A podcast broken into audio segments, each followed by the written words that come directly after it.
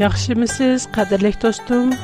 Bugün ahwalyňyz Мен Men dostuňyzy Исыл Ilsyz sowgatlar programamyzdaňl сіз siz Hudaňyň sözüden mämmun bolalaýsyz.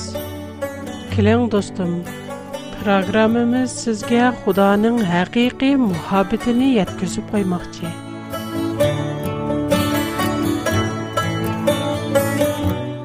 Бүгүнкү сөхбөт темимиз пал, чүш ва жин. Турмушумузда нургулган кишилер палга түшкө ишинди. Яны баазы кишилер мушу дүйнөдө жин бар деп карайды. Навада бирер киши өлүп кеткен ата-анасы, урук тукканлары ва туныш билишлерине түшөксе, улар катты каяжанланып, ата анамның туқалларымның рухи маңа сөзләватыды деп ойлайды. Буронларда берәр кеше агырык сылак булып калса, яки берәр нәрсәсене йөттереп койса, дәрхал кеселене бахши яки прихонларга күрсәтте.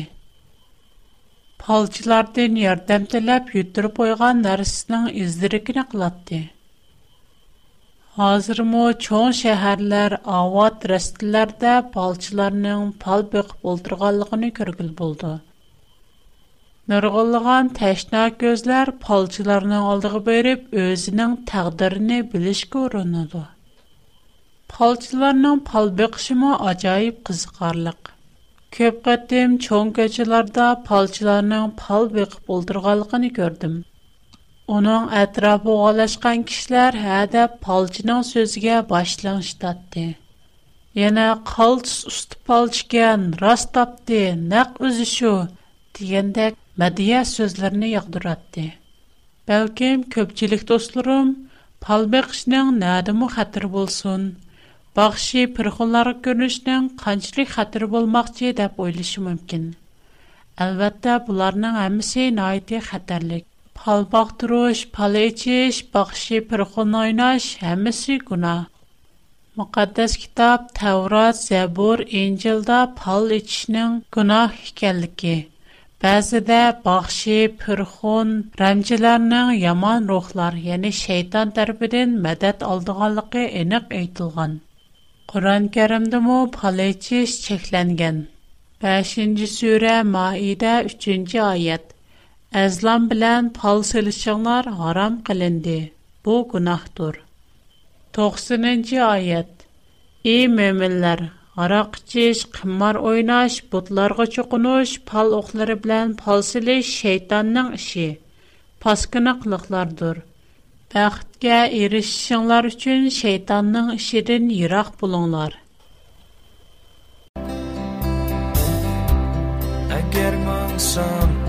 o'limga yaqinman qo'rqmayman hiç yomonlikdan Çünkü sen rabbim mening bilan hayotliq yo'lim sen ekan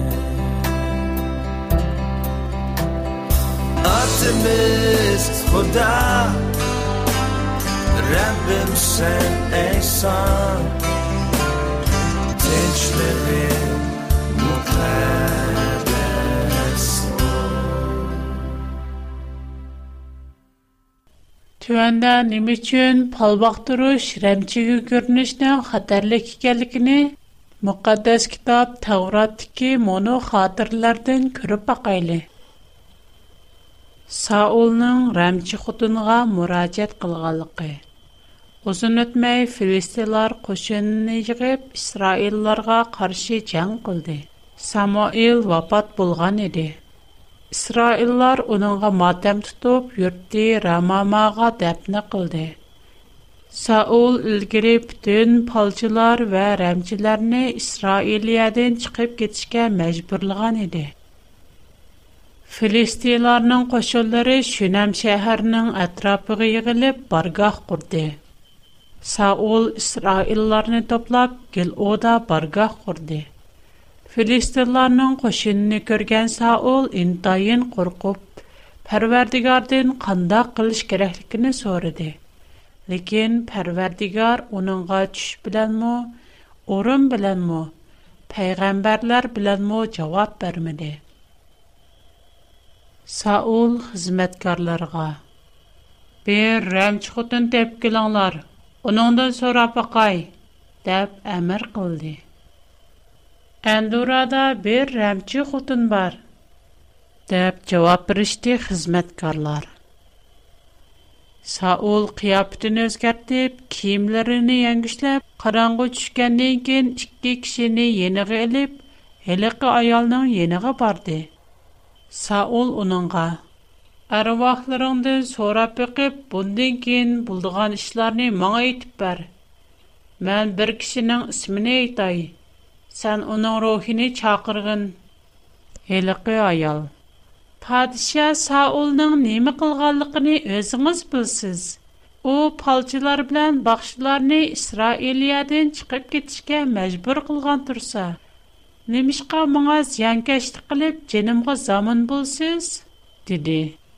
Саул оныңға қасам қылып, мәңгі аят пәрвердігара қыда қасам қылымен ке, сән бу ішің білән әргіз жазаланмайсан. Сізге кемне чақырып рай? Дәп сөреді аял. Само үліні. Аял Само үліні көргені де құрқыныден варқырап кәтті. Саулға. «Мені немшка мэсхыры қылысыз, сіз падиша Саулғу?» диди. Падиша Саул аялға, «Корхма, неми көрдің?» дап сориди. «Илахтах бір затның ярден чықынни көрдім», дап чаваб барди аял. Онын қияпти қандах кен, узон пәрэйчгей валған бір бувай чықти. Саул оның Самоил икәлгені біліп, өрмәт білән ерге баш қойды. Самоил Саулдың, «Мені авары қылып, немегі чақырдың?» дәп сөриді. Саул оныңға, «Бешімға чоң палакет келді. Филистилар маңа қаршы жән қылмақчы. Худа болса, мені ташлы Бу әмди моңа пәйгамбәрләр аркылыкмы, чүш аркылыкмы җавап бермәйди. Шуңа мен қанда кылышым кирәклеген әйтеп берсен дип өзләренә чакырдым, диде. Парвардигар сине ташлап дип, düşменең булып калган булса, мине яненем өчен чакырдың. Парвардигар кылганларын Сыңа минең егызым белән яткызган у падишалыгыңны Аллаһка чан тартып Давыд қы тапшорди. Чын кисэн пәрвердігарның әміріге хылаплы қилип, амалэклярни ва уларның бар югыни біттілі юг адмидың. Шуна пәрвердігар шуна машиндах муаміла қылди. У сини ва Исраиларни филистиларға тапшырып біруду. Аттас сэн ва оғылдырын мэн бидэн бір Pərverdigar İsraillərinin qoşununu Filistinlərinin qulağa ötküzüb bürüdü, dedi Samuil. Saul qızalanğandan keyin şu keçilə yürüb getdi. Filistinlər bütün qoşununu Affəkkə topladı. İsraillər bolsa bizə el cilğistiki östəğinin boyunda bargah qurdu. شۇنداق قىلىپ سائول قول ئاستىدىكىلەرنى ئېلىپ ئەتىسى سەھەردە يولغا چىقىپ فىلىستىنلار دىيارىغا قايتىپ كەلدى فىلىستىنلار بىزە ئېلىگە قاراپ يۈرۈشنى داۋاملاشتۇردى فىلىستىنلار ئىسرائىللار بىلەن گىلبوئا تېغىدا جەڭ قىلىشتى نۇرغۇن ئىسرائىللار قىرىلىپ قالغانلىرى قېچىپ ketتى فىلىستىنلار ساؤل ۋە ئۇنىڭ ئوغۇللىرىنى قوغلاپ يېتىشىۋېلىپ oğulları Юнаттан, Abinadab, Malqı şu alarını öldürüb etdi. Saulun ətrafında kəskin can bulub, onunğa düşmənin oxu digib eğir yerlandı. O, quralını götürüdüğən növkərəgə. Qılıçıqını elib, mini öldürüb et. Şundaq bulğanda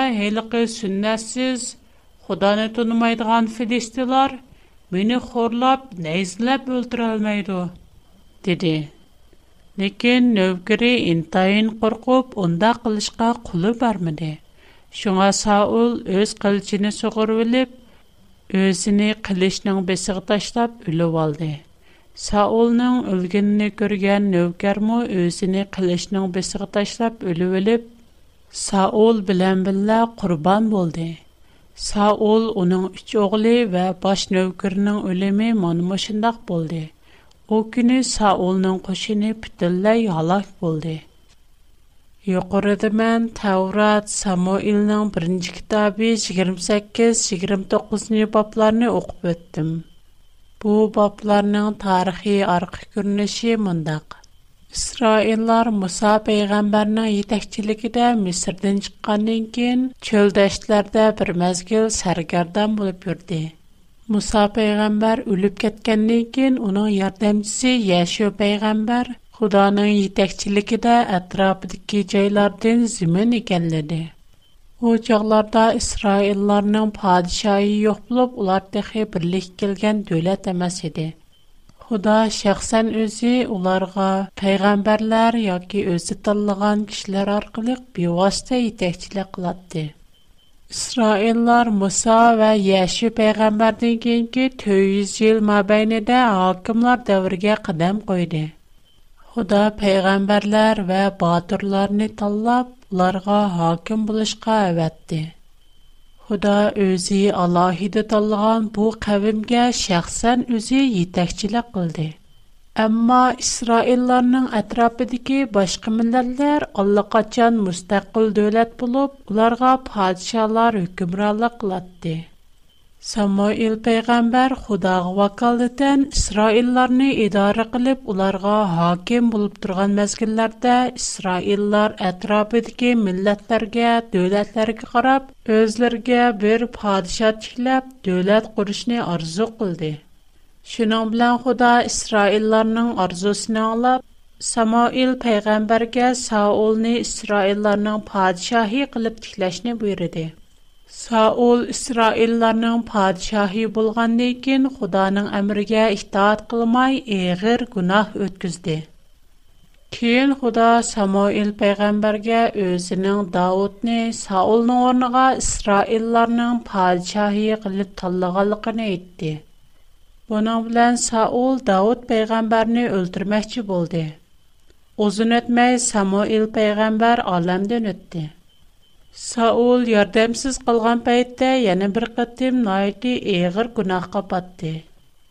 Әйни чагда Худа Муса пәйгамбәр ва аның дин кийинки пәйгамбәрләр аркылык барлық барлык бахшида хан Рәмсехригер палчларның һәммәсен куглап чыгырышны, бернимо тирек калдырмаслыкны ухтырган иде.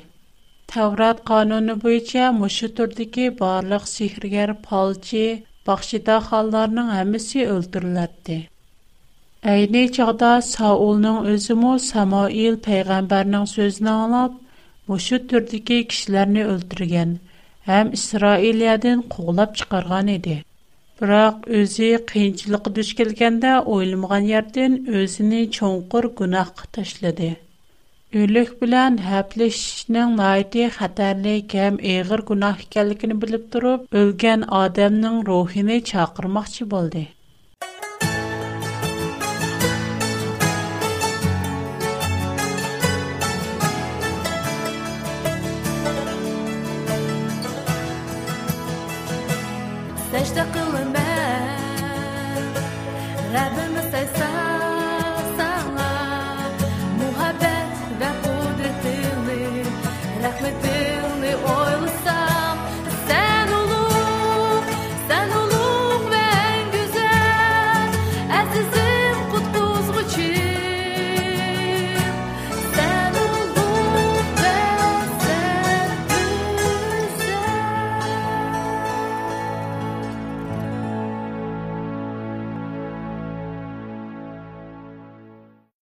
Мәм бурын қадерлік достарым белән адам өлкәннән кин топыгыйленеп китдырганлыгыны, рухның асла мәҗут эмаслыгыны, адам үлеше белән тәфәккүр, ҳисният, билеш, ихтидар катарлык һәм нәрсәсенең юклып, тине хиял ки нәфәснең Худага кайтылганлыгы якидә сөһбәтлешип үткән идем. Бүгенки сөһбәтебез дә бу ныктыны яна тәкътирләп үтәм. Мен бай оқып өткен екайда әйліғи рәмчайал Самуил пейғамбарның рухини чақырды. Бу зады қандақ іш. Өлгенден кейін рух мәвчет болмыса, у рух зады нәдін келді? Яна рухның сөзінің тұғырлықы Саулның үлімі білән іспатландығы. Көбілген кішілер бұ дүнияда жиннің мәвчетліқығы шынды. Bəzi kişilər hətta özlərinin xali yerlərdə tənha, yalğız turğan vaxtlarda qaranğuda cinğa yoluqqanlığını, cinni görgənligini etişidu. Cin toğurluq paran bolğanda kişilər daim cinni vəhşi, bədbəşirə, sərt, kürümsüz, naiti qorxunçlu qılıb təsvirləydi. Turmuşumuzda cin toğurluq hekayələr az emas.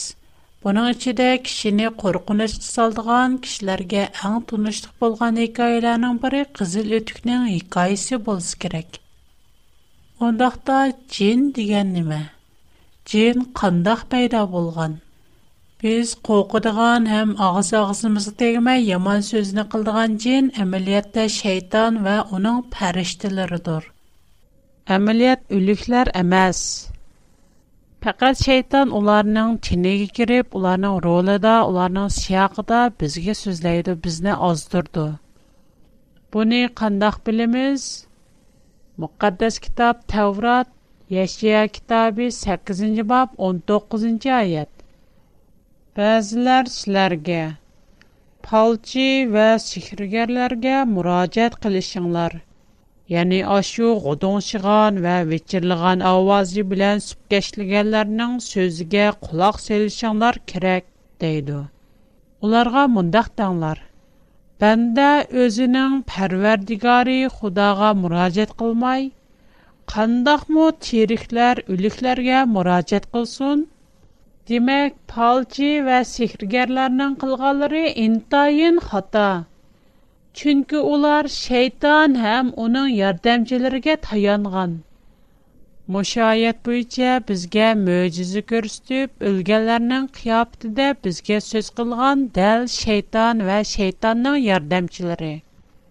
Чөнки мүкъаддас китап Таврот Сулайманның фәнди нәсиһәтләре 9нче бап 5нче, 6нче аят. Үлеп кеткәннар һеч нимәне Уларга яна инам юктур. Улар бүтүнлай онтулып кетиду.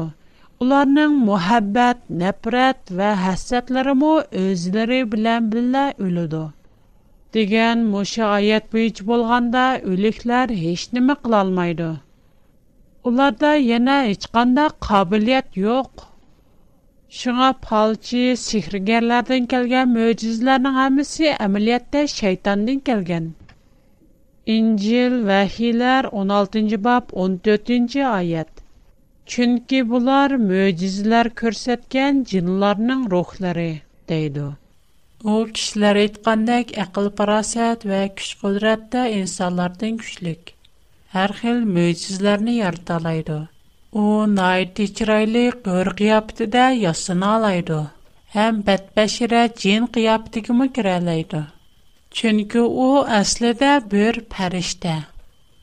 Əgər biz müqəddəs kitabqa qaraydigan bolsaq, şeytanın əslində nəhayəti qabiliyyətlik, farasətlik və çiraylıq fərishtə ikənligini görə biləyimiz. Tövəndə qadirlik dostlarımğa şeytan doğruluq etilgan ayətni oxub birəy. İzəkiyel kitabı 28-ci bab 12-ci ayətdən 17-ci ayət keçə. Сән камалет кеткен, ақыл парасетті тошқан, бүтілләй чирайлык едің. Сән үлгірі Худаның беғи Иран бағда әр хил яқытлар білән бізәлген едің. Сән әхті сандықыны епіп тұрдыған пәрешті кероп едің. Сіні Худаның мұқаддәс тегіға орылаштырдым. Сән яңа яртылғанда әмәлірің бүтілләй тоғыр еді. Кейінсінің На әхли һакка ниятсизликнең ашкорланды. Сән Худага бөктән кылганлыкның өчен сине Худаның тегидән кугылып аттым. Сән чирайлык булганлыкның өчен һакка урлык кылдың. Рөхсарың белән фиростлыкны булдың. Мән сине йөрге таштып аттым. Шындак мушаяәт әйтылгандак, Шайтан әстәдә наити biroq u akovurlik qilib xudo bilan o'rin talashqanligi uchun jannatdan haydalgan programma oxirida do'stimga adresimni deb bermoqchiman agar men bilan aloqalashishni xohlasangiz qalam va qog'oz tayyorlab qo'ysangiz programma oxirida adresimni xotirlab ola olasiz shayton bilan birga yana uning yon tayoqlari bo'lgan uchdan bir qism farishtalarmu haydalgan muqaddas kitob injil vahiylar 12-ci bab 3-cü, 4-cü, 7-ci, 10-cı ayətdə şeytanın qanda qeydəlgəlgi doğruluq mındaq deyilgən. Kiyin ərişdiyənə bir karamət, yəni 7 başlıq 10 müngüzlük, Вә бешидә 7 таҗ бар, кызыл ранглы, чоң бер әҗдәһа күрөндә. У куйрыгы белән көктәки ялтызларның 3-тен бирене сөреп, йәр юзгә төшүреп әйтте. Кин әриштә җан булды. Микаил ва аның фәриштәләре әҗдәһа белән җан булды. Әҗдәһа мо үз фәриштәләре белән оларга Bunun bilan erişdiki ornadan mahrum qaldı. Çoğun əjdiha, iblis, alvasti, ya ki şeytan dəb atıladığan və bütün cəhanni azdırğan heliqi qədimi yılan pərişdiləri bilən bilə yer yüzügə itildi. Mani bu ayatlarının əmisi bizgə şeytan haqqıda toğra bilimlərini bürdü.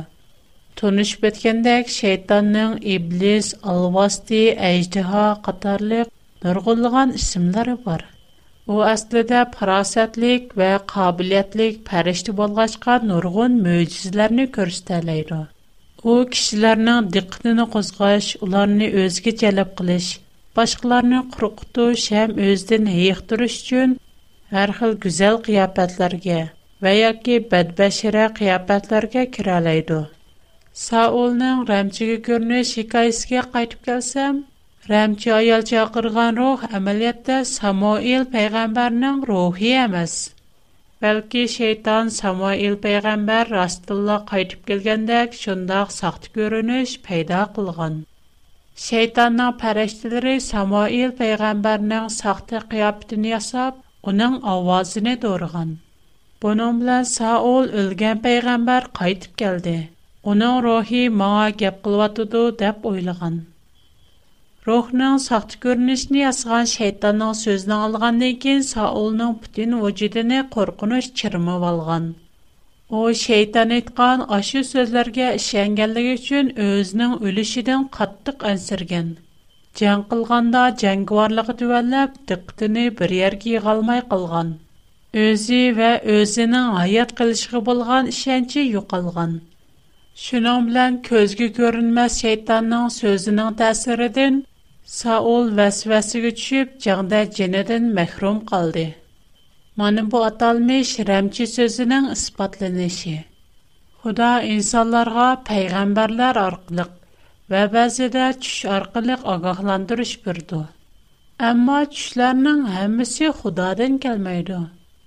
Бәзидә шайтан адамларның түшеннән файдаланды. О бәз иде чүкбезге кириб үлеп кеткән урух тукканнар. Туныш билешләребезнең кыябытәге кириб безгә сүз кылса, яна бәз иде куркынычлык ва вахимлек күрнешләренә пайда кылып безне сырасымыга салды. Шуңа күп палларда чүк кешенешме, хәдди палсәлеш бахшы күрнешкә охшаш, Şeytan ve onun pəriştileri her xil, her türlü saxta görünüşlerini peyda qilib, insanlara xiyali tuyğu birdi. Adamның tuş görüşi bu bir sir. Adam yerip çarçap ketkende tuş görüşi mümkün. Xiyalni köp qılsa tuş görüşi mümkün. Uxlaş vaqtida tamaq yesimi tuş görüşi mümkün. İş qilib tuş görüşning xil ehtimallıqı var. muqaddas kitob tavrat sulaymonning pandi nasihatlari beshinchi bob uchinchi oyatda mundoq deyilgan o'y ko'p bo'lsa tushida qora besishmi ko'p bo'ldi to'la gap qilganning ahmoqligi so'zidan ma'lum bo'lib qoldi baxshi pirxo'larga ko'rinish pal ichib sehrgarlik qilish bularning hammasi yilon bilan o'ynashqanliq shayton dal Bizning tunja ijodimiz odam oti bilan havo onini Iran bog'dan haydab chiqargan qadimiy yilondir. Sulaymon payg'ambar sehrgarlik qilmaslik, baxshi pirxullarga ko'rinib shayton bilan o'ynashmaslik haqida Sulaymonning pandi nasihatlari 10-bob 11-oyatda mundaq degan. Yilon bilan o'ynashqanni yilon chaqqan tursa, yana qandoqmi yilon bilan o'ynasin. Bizning taqdirimiz hargiz baxshi purxularning qo'lida emas. Ular hargiz bizga hayotlik yo'limizni ko'rsatib berolmaydi. Ular yoki hamma ishni oldin bildigan, o'tgan ishlarni ko'rib tura oladigan iloh emas. Faqat shayton mushundaq kishilardan foydalanib, insonlarni eziqtirdi. Sehrgar daholar ko'rsatgan mo'jizalarning hammasi shaytondan kelgan. Навары без уларның алдыгы берип, улардан ярдәм телесәк, хутти өз хаятыбызны шайтанның кулыгы тапшырганга барабар. Худаның михир шапкытыла безгә хакыйкы хаят юлымызны көрсетеп бирде. Таврат Изякиял китабы 33-нче бап 11-нче аят. Парвардигар Худа мондак дейди: Мен рәзилләрнең үлешене яхшы күрмәймен. Фәкать рәзил кешеләрнең яман юлдан кайтып яшшыны яхшы күрмен. Шуннак Худа найты михрибан вә шәфкатьлек. У сезне һәм мине Шинондек дөньядагы һәр бер инсанны яхшы күрде. Хәтта палчи дахан бахшыларны яхшы күрде. Fəqət onlar öz yollarından qayıtıb, rəzillikini taşlab, şeytanğa həmtayaq bulmasa. Xudanın yolluğa qaysa, günahığa tövbə qılsa, mehriban və adil Xuda onlara keçirim birələydi. Çünki o aləmdəki ən uluq, ən şəfqətlik, mehriban, ən əbucan və kənqursa Xuda emasmı? Qadirlik dostum, agar siz fikrimni to'g'ri тапсаңыз, xudoning sizning hayotingizda qilgan барлык iltifotlarini aslab бакың. uning sizga qilgan барлык iltifotlarini bir birlab sanab chiqsangiz xudoning mehr shafqatli xarakterini haqiqiy his кыла аласыз. Кадерле достум, Кілер қытым сіздің программымызды яна зиярат қылып келішіңізді арзу қылымын. Сіздің қытыңызды тапшыру үліш менің қошалықым. Менің тұр адырсым үриет әт A